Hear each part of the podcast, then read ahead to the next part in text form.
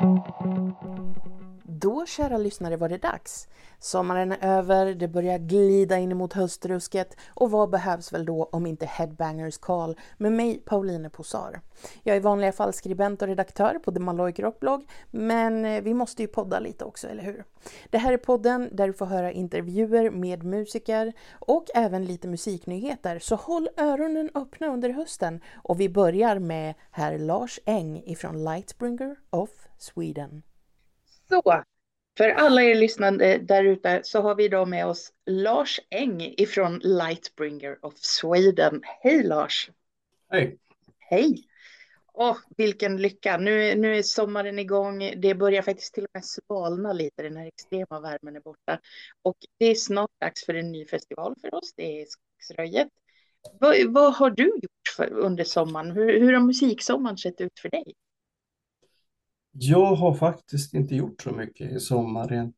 Jag var iväg på Sabaton i maj. Det är väl det enda jag sett dem på Globen i, var det en 28?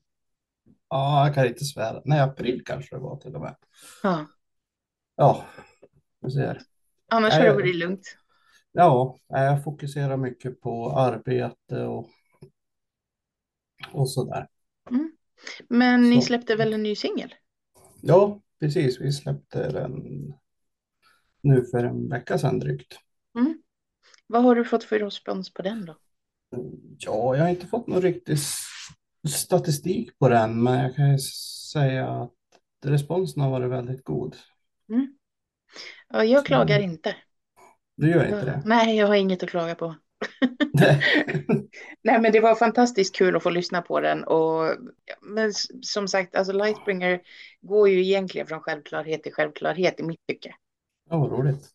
Men vi, vi, vi pratade ju för en eller ett par månader sedan eh, på The Maloik Rockblocks YouTube-kanal Ja, eh, li, lite om vad The Lightbringer of Sweden är för någonting egentligen. Eh, men du kan väl berätta för mina poddlyssnare också lite, var, vart kommer Lightbringer of Sweden ifrån? ja, lite överallt kommer vi ifrån. Men eh, eh, ska vi ta den korta eller långa historien?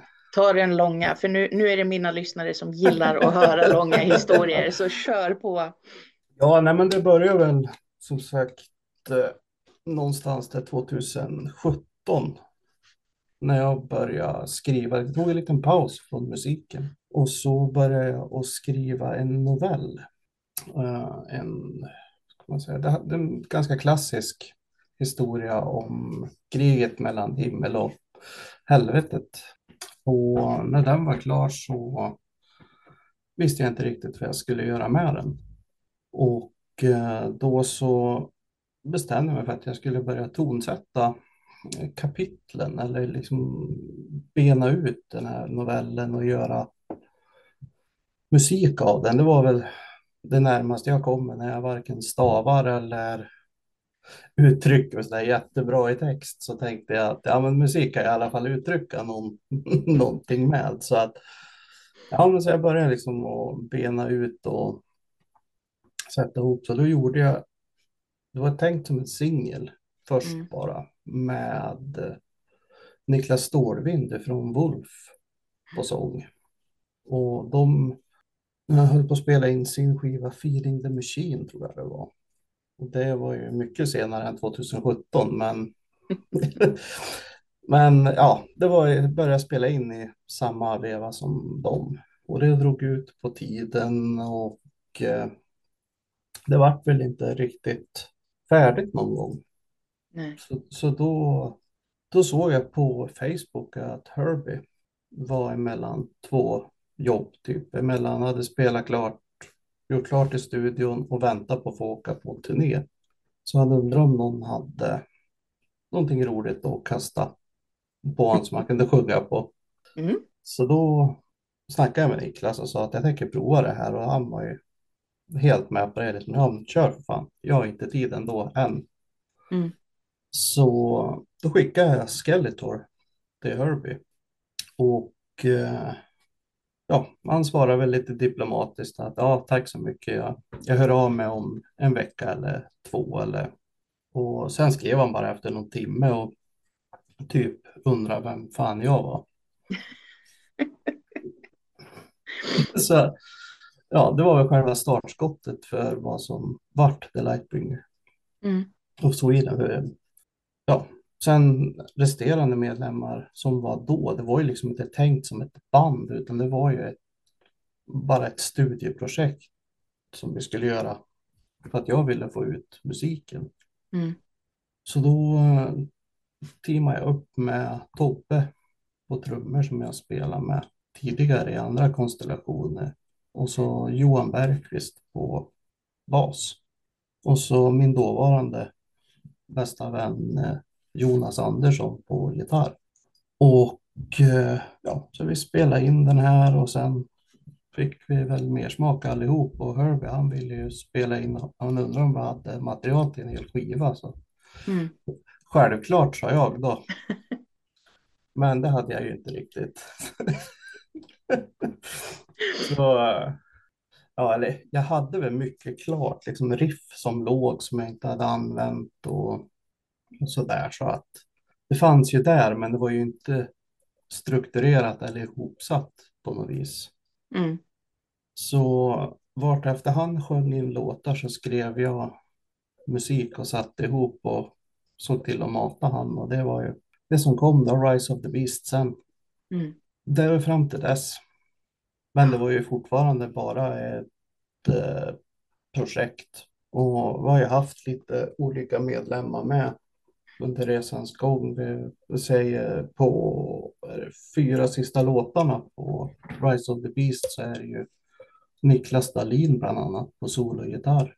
Och eh, när vi släppte Farewell så tog jag in en kom annan kompis på bas för Johan hade inte riktigt tid och jag kände att jag ville ha ut musiken så då är det Ulf Nilsson heter han på Mm. bas. Så det var, var lite speciellt att göra för Ulf spelar också eh, originalbas på Farewell första gången den släpptes. Under eh, Teaser hette det bandet. Mhm. Spännande. Jo. Så från början så var det en novell som skulle bli en singel som blev en platta som skulle vara ett studioprojekt som, som blev jätteuppskattat och det blev mer. Det blev betydligt mer. Jag hade ju som mål, jag, jag satte ett officiellt mål på 10 000 streams fram till jul. Mm. Och vi släppte skivan i, var det juli tror jag? 15 juli. var jag alldeles, ja, någonstans där. Och eh, innan juli var slut så var det ju 200 000 streams. Så att min lyckokalkyl var, var lite missräknande. Men det är ju kul. Ja, men det är ju jätteroligt och alltså Lightbringer of Sweden, för det första så, jag, jag älskar ju loggan och jag tycker den är ännu coolare nu när jag vet att det är du som har gjort loggan också. Eh, och det, för den, den drar ju ögonen till sig, alltså den, man ser den ju när den dyker upp för att den är ju så annorlunda jämfört med andra hårdrock och metalbandsloggor. Mm. Och, och den har ju liksom poppat upp. Den började poppa upp väldigt mycket helt plötsligt. Och det måste ju ha varit i samband med att streamarna ökade så, Ja. alltså, så fort. Eh, och jag vet, när man har kollat på, på hårdrocks och metalfestivalsidorna då här runt om i Sverige specifikt. Så när det har önskats band så har jag ju sett Lightbringer of Sweden bland önskemålen. Men ni har väl inte Mm. spelat live någonting? Nej, ingenting än. Vi har väl en förhoppning. Vi skulle ju åka en sväng till USA nu i höst. Mm. Men eh, det var lite yttre omständigheter som gjorde att vi inte kunde åka. Ja. Jag Så, varnar er bara.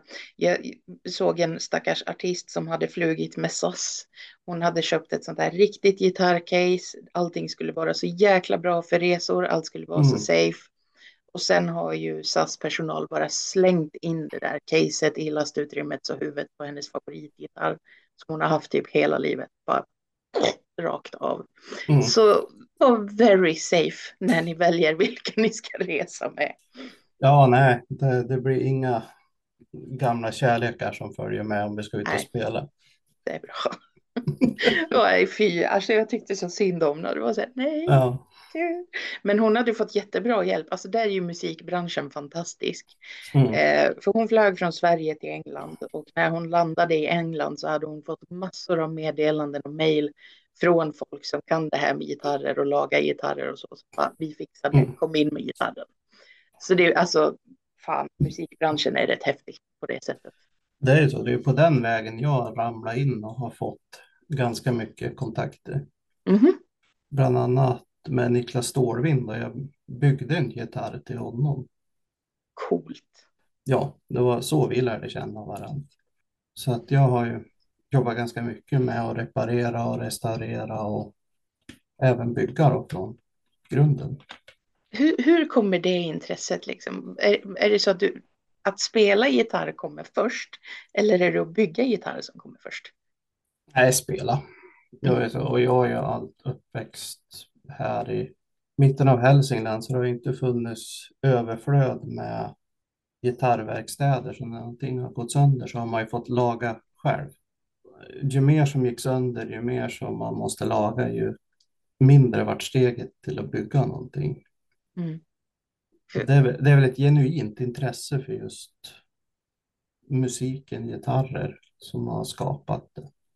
Ja, men sånt där tycker jag är så jäkla coolt för att ofta så är det ju så, man börjar på en liten nivå, kanske fix, nu, nu tänker jag inte gitarrer, jag tänker generellt, men du vet när det kommer till trä, ja, ja, men det här kan jag fixa själv och petar i tandpetare och trälim och så, och så sandpapprar man lite, ja, men då har man fixat någonting.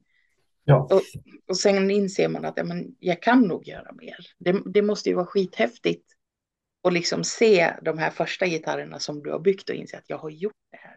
ja. Jo, det, det är riktigt roligt. Och en gitarr som jag byggde vart faktiskt ett skivomslag åt tyska bandet Bonfire, om du vet vilka det är. Ja, coolt. Se, jag har det faktiskt. Den här Glorious-skivan. Ja, Här. nej vad coolt. Ja, så att det, det är riktigt kul. Sånt där tycker jag är så jäkla häftigt. Det är... och, och just, ja, men som, som jag tänker, du är ju en ganska vanlig kille, du jobbar ditt dagjobb, du har din familj och så gör du det här med musiken, alltså det, det är ju din passion egentligen. Ja, min, mitt ställe att samla energi. Även fast man bränner ganska mycket energi så är det ju där man hämtar igen sig mentalt. Mm. Ja, vi, vi var och såg eh, Grand Slam. De spelade på Öland nu för ett par dagar sedan. Eh, och eh, trummisen, alltså du vet vissa trummisar är ju sådär så att man tror att de ska lyfta ifrån stolen och flyga iväg. Liksom. Ja, Och så kommer jag ut och han står där ute och hur pigg och glad som helst och ser ut som att han har inte rört sig en meter. två sa, hur, hur står du upp ens? Alltså jag har ingen aning. Det frågar jag mig varje gång jag går av scen själv. ja. Jo, det, det tycker jag är roligt. Jag vet inte om det är bekant med Zoltan Chaney. Heter han. Nej. Han spelar med Vince Neil bland annat. I hans soloprojekt. Han är en sån där också som inte kan sitta still. Han står upp och spelar. Han, han sparkar cymbaler medan han sitter ner. Och det, ja, det är helt otroligt vad han håller Ja. på. Och då tänker jag också precis där bara, men hallå, liksom, fan, vad händer? Du måste ju Ja, andas också. Men, precis. Men det måste ju vara det här utbytet av energi mellan band och publiken. Alltså man får ju lika Ja. mycket energi som man ger. Så ja, är det ju. Det, jag tycker att det är helt fantastiskt. Eh, Men du har ju spelat i andra konstellationer och så innan Lightbringer också. Eh, Ja. v- v- vad har du gjort? Vad har liksom du som musiker gjort innan? jag som huskriva, ja, jag spelar med eh, mina klasskamrater fram till vi var 25 år. Mhm. Så var där vi startade. De äldre grabbarna hjälpte oss att smita in på fritidsgården innan vi hade åldern inne och ja, all, alla de här roliga grejerna. Och Det är ju fantastiskt. Ja, Och det rann väl ut lite i sanden och det vart inte så mycket. Och sen slutade jag faktiskt. Det vart barn och, och så. Så att Mm. det vart inte riktigt tid kände jag. Och sen så gick ju trummisen och dog i en arbetsplatsolycka. Ja. Och det är den låten Farewell handlar om. Mm. Den är till honom. Och så att det har ju inte heller blivit någonting mer igen. Jag är jättesugen att sätta ihop någonting tillsammans med dem igen och se om man skulle kunna göra någonting. Mm. Vad roligt ändå att ha liksom ett grundband på något sätt. Något som man kan hålla fast vid ändå. Ja, så att jag har inte haft så mycket kontakt heller. Det är jag och så sångaren som har haft tätast kontakt. Då. Mm. Anders. Ja, jag, jag får köra lite detektivarbete så skickar Ja. jag en länk till podden till dem. Att hallå, det är Ja. någon som vill något här. Precis. Men just det här med fritidsgården, alltså det tycker jag är så Mm. fascinerande. För, för när vi var unga och tonåringar, då fanns ju fritidsgårdarna. Då fanns de med, med instrument, det fanns pingisbord, det fanns vuxna som var närvarande om inte annat. Och det tycker jag saknas lite idag. Det är inte på samma sätt. Jag tycker det känns som mina döttrar när de är där så har de suttit uppkrypen i ett hörn och pillat på telefon. En grupp här, en grupp där. Liksom det, det är inte på samma sätt. Nej. Tror du, för jag tänker ju att det kanske beror lite på vilken typ av människor som dras till yrket. Mm. Eh, för nu, nu utgår jag ifrån mig själv, men de som fanns omkring mig som både unga vuxna och vuxna var ju oftast så kallade kulturarbetare. Arbetsförmedlingen visste inte riktigt vart de skulle placera dem, så de blev rastvakter och fritidsgårdspersonal. Liksom. Mm. Fan, borde man inte, borde inte vi musiker kunna liksom påverka på något sätt idag? Jo, Alltså- jag tror, men jag tror det är svårt att komma åt ungdomarna idag och spela. De som vill spela, de, det är så lättillgängligt med riktigt bra grejer Mm. till en bra peng. Så de som vill spela, de grottar ner sig och sitter hemma. Mm. Det är sant. Och det, för det är lika med mig, mig känner jag liksom. Jag sitter ju hemma i min källare och spelar för det mesta. Mm.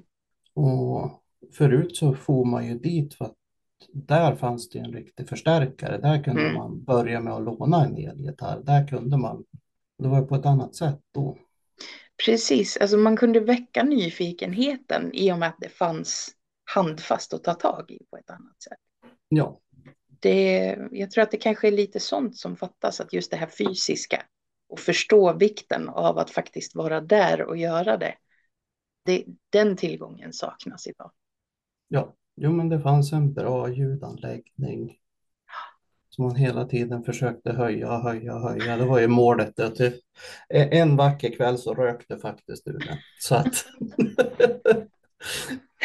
Ja, herregud, det är spinal tap-varning på det liksom. ja, ja, men det.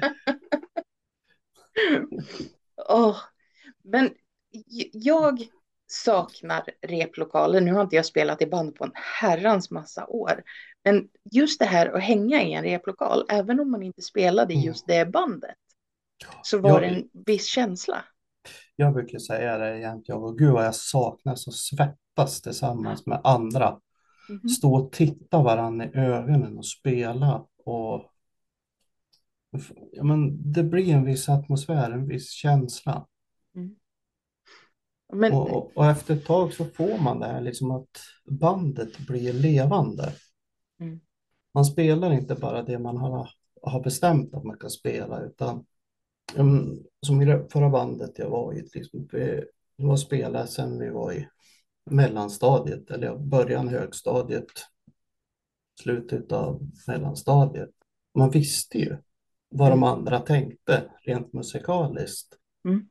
Och det, det var så mycket roligare. Eller hur? Och just den här, man strävar ju efter någonting. Och man Ja. repar och man repar och man repar. Och du vet den där känslan när man kommer dit och alla sätter den där grejen som man inte har satt innan. Ja, Det, det blir ju som en liten explosion i bandet. Alla bara, cool! ja. Ja, Ja, det, det är så häftigt. Och jag, jag tror att det är väldigt många fler som har insett efter pandemin nu att de saknade. Jag tror inte de insåg det innan. Men Mm. nu när man verkligen inte kunde ses fysiskt, när man inte fick Ja. ses fysiskt, så tror jag att fler förstod att de saknade det på riktigt. ja. Jo, men kanske. Men, ja. Ja, men en, ensamvargar som du och jag, vi trivs ändå hemma i. Ja, jo, men lite så. Jag tänkte säga så pandemin tyckte jag gick lite ja, så här på flyen på sidan av.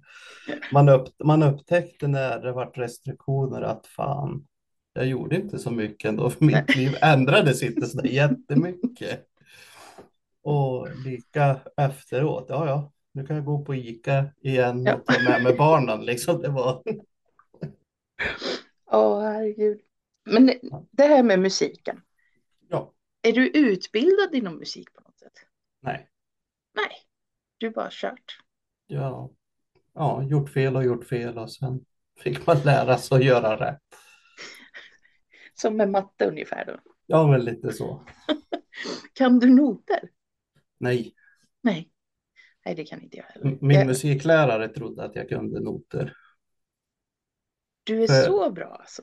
Jag tog det på gehör och sen, och sen satt han och så spelade jag tonerna eftersom han tyckte då. Fast jag hade ju redan lärt mig låten. Jag fattade inte vad som hände när han pekade på en speciell not. Nej. Nej. Det, men det där tycker jag är så häftigt för att vissa kan ju verkligen inte spela utanför notbladet. De kan inte improvisera överhuvudtaget. Mm.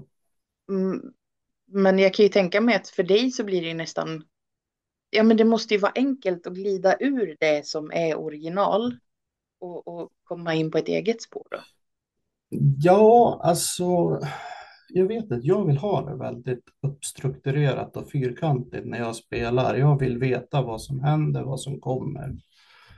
Men jag kan aldrig så- spela efter en tablatur eller noter och bara följa med, utan det har väl kanske också hjälpt till att skapa min egna, min, e- mitt egna spelsätt, alltså min Mm. unika ton. Just det här att jag vill spela så här, men för att jag ska nå dit så måste jag göra på mitt egna sätt. Mm. Men vad skulle du ge för råd till någon då som, som kanske har försökt men inte kan noter och känner att nej men det är kört liksom. Oj, det vet jag inte. Jag bestämde mig ganska direkt att nej, det där är ingenting för mig, utan jag tycker det viktigaste med musiken det är väl att ha roligt och att man gör det man känner är bäst för en själv. Mm.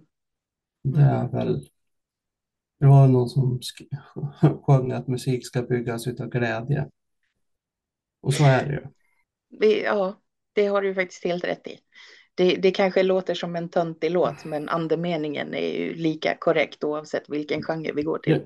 ja, men så det spelar ingen roll vad du gör. Alltså, du kan inte bli en duktig racingförare om du inte gillar racing. Nej.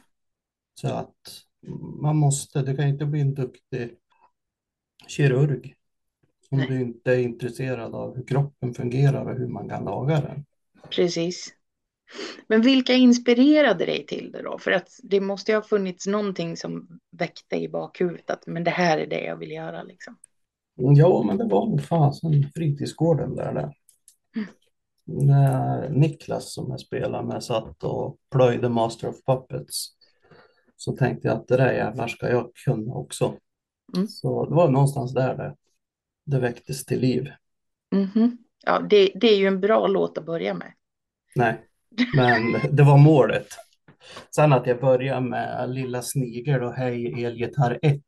Det, Ja. Det är rätt väg att gå. ja. Ja. Men vad har vi att förvänta oss nu då? För du har ju kommit en lång väg ifrån Lilla Snigel och nu är det Lightbringer of Sweden. Liksom. Vad, vad, hur ser kommande halvåret ut för Lightbringer? Eh, ganska lugnt. Ren, vi ska inte släppa någon mer. Ja, just nu så håller jag på och letar ett eh, skivbolag. Mm. Jag har några erbjudanden på bordet och tänkte koncentrera mig ganska mycket på det. Och skriva nästa skiva. Mm. Så att jag tror inte att jag hinner med att släppa någonting mer i år. Nej. Men man vet aldrig. Då förväntar jag mig en sån här länk på Messenger sen. Att du, den Ja. här. Ja. Ska försöka komma ihåg. ja, men det låter bra. Ja, nej men så att det är väl inget ja, jättestort planerat. Nej. Nej, men då gör vi så helt enkelt att jag håller tummarna för att de här erbjudandena börjar mata över varandra helt enkelt så att det blir någonting riktigt bra. För. Ja, nej, jag, jag letar någon som vill kan ta bandet med, ja men ta det för vad det är. Mm. Liksom respektera produkten och hjälp oss att komma framåt. Jag, jag vill ha en person som där kemin, det känns, ska kännas bra i magen att den här personen gillar bandet och kommer att göra liksom. Jag vill inte bli det här att, ja ja, gör så här och sen Mm. utan jag vill ha en diskussion. Jag vill också ha någon som säger att ja, men det här är inte bra. Gör ni så här så blir det på ett visst sätt. Utan, Mm. och jag, ja, jag har en riktigt bra mentor i Odin Management. Heter de. Roger Hilton. Är.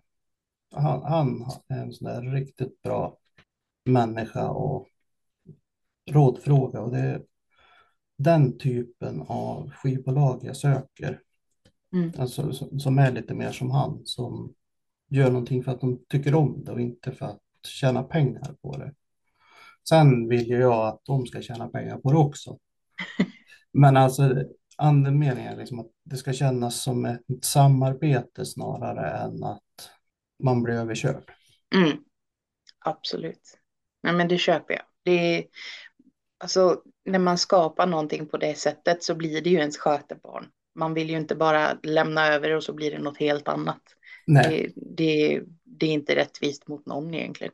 nej, nej men alltså jag har säkert plöjt tusen timmar på det här. Och det är ingenting jag vill släppa. Helt rätt. Helt rätt.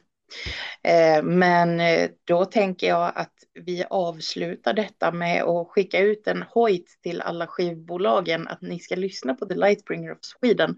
Om det är någonting ni tycker om så hör ni av er till Lars Eng och talar om hur ni skulle kunna tänka er att sköta det här bandet. Tack så mycket Lars för att du ville vara med och prata med mig idag. Ja, men tack själv. Vi avrundar denna härliga måndag eh, med att tacka Lars, som vi precis gjorde, för att han ville vara med och snickelisnacka lite med mig. Och eh, vi ser fram emot hur hösten kommer att se ut med både intervjuer och musiknyheter. Har ni tur så kanske det till och med kommer ut ett avsnitt till redan till helgen. Ciao! Ciao! Ciao! Ciao!